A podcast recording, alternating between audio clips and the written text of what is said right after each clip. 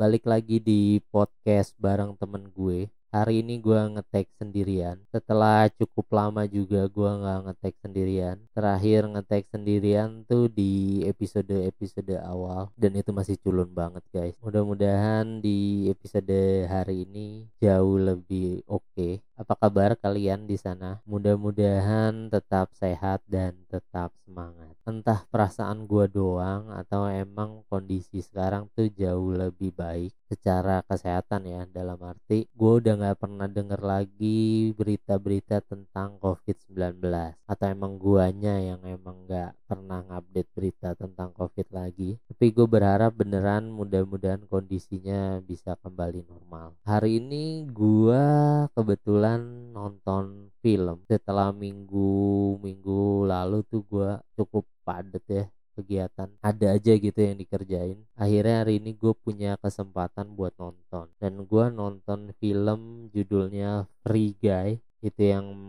mainin si Ryan Reynolds. Ini film memang sebenarnya udah lama oh nggak salah bulan Oktober deh rilis. Dan posternya udah sering gue lihat juga seliweran tapi gue baru nonton hari ini. Ternyata menyenangkan ternyata bagus juga filmnya. Ini tentang NPC atau non player karakter itu kalau lu biasa main game itu ada tuh yang namanya NPC kalau lu suka main game-game open world kayak GTA, The Sim atau apalah banyak lah game-game open world itu biasanya ada yang namanya NPC itu adalah karakter-karakter yang dibuat untuk menghidupkan game menghidupkan suasana ya. Maksudnya misalnya ketika lu lagi jalan di pinggir jalan ada yang jualan burger ada yang jalan kaki aja ada yang ngobrol dan karakter-karakter itu tuh disebutnya NPC atau non player karakter. Nah, film ini nih, Guy ini menceritakan tentang kehidupan NPC itu. Awalnya gue pikir ini film tuh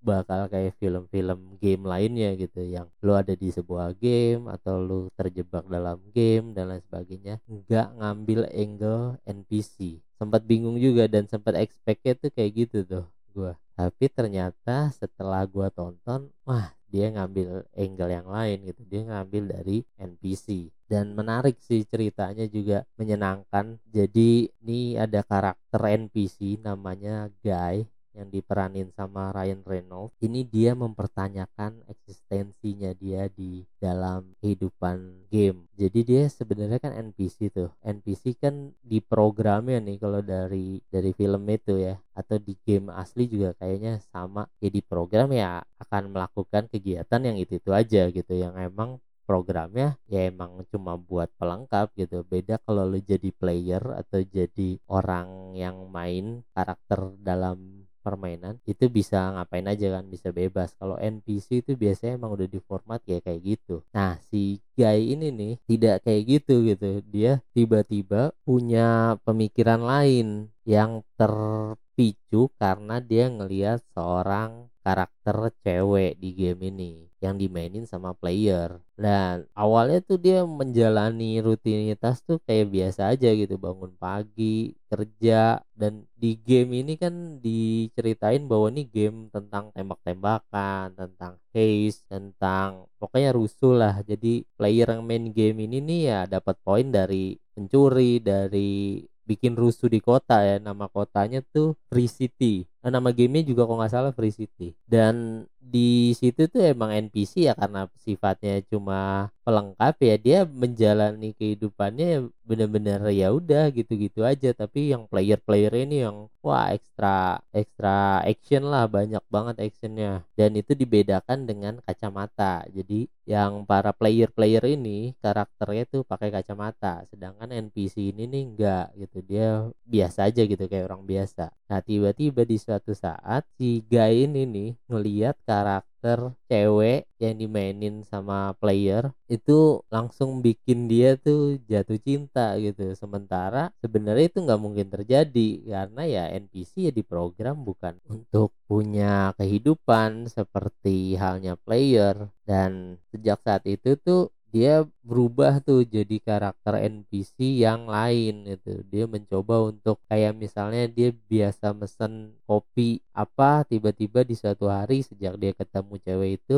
dia mencoba yang lain. Tapi itu ngaruh ke karakter NPC lainnya tuh. Jadinya yang lain juga bingung kok lu beda sendiri sih? Gitu di saat harusnya lu melakukan rutinitas yang sama setiap hari tapi kenapa lu sekarang melakukan perubahan gitu kenapa ada perubahan dan singkat cerita ternyata dia bisa kayak gitu karena pemrogramannya dia tuh pakai AI atau artificial intelligence, kecerdasan buatan. Jadi yang bikin game ini nih ada dua orang nih, ada yang namanya Mili sama Case atau Keys. Nah, dua orang ini nih yang emang awalnya bikin program game ini, tapi desain awalnya nih bukan buat game tembak-tembakan bukan buat game rusuh lah. Entah kenapa tiba-tiba ya kalau nggak salah ada perselisihan lah antara si dua orang ini sama ada satu karakter antagonis yang namanya N1 kalau nggak salah itu yang meranin Taika Waititi. Kalau tahu Taika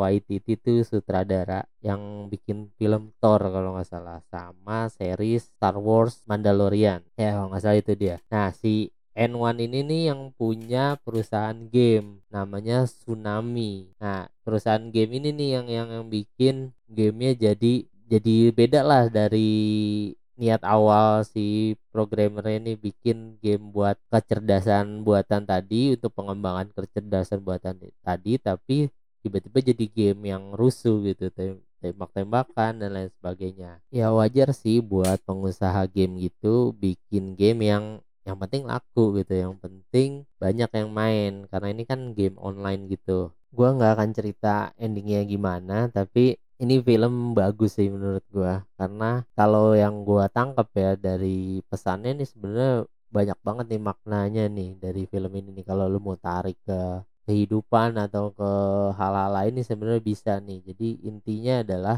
si karakter NPC ini nih kayak menggambarkan keadaan orang yang biasa-biasa aja gitu yang emang hidupnya ya begitu-begitu aja karena emang di programnya seperti itu gitu. Tetapi si guy ini tiba-tiba punya pemikiran yang lain gitu yang tiba-tiba kayak kita nggak bisa nih begini terus gitu. Kita hidup harus ya jadi apa yang kita mau gitu. Hidup harus menjalani seperti yang kita mau bukan cuma ngejalanin yang ada gitu. Bukan hanya jalanin kehidupan yang monoton gitu. Nah salah satunya itu sih yang gue tangkap tuh. Dan menariknya film ini adalah banyak cameo cameo keren di sini. Gue juga sempat lagi-lagi gue nggak expect bakal ada siapa ada siapa gitu. Karena emang gue pikir ya gue nonton cuma pengen fun doang. Tapi ternyata ada beberapa cameo yang setelah gue nonton juga gue coba cari ininya infonya. Ternyata keren-keren dan ada scene di terakhir-terakhir yang anjrit muncullah satu cameo yang wow gitu yang akan bikin wow gila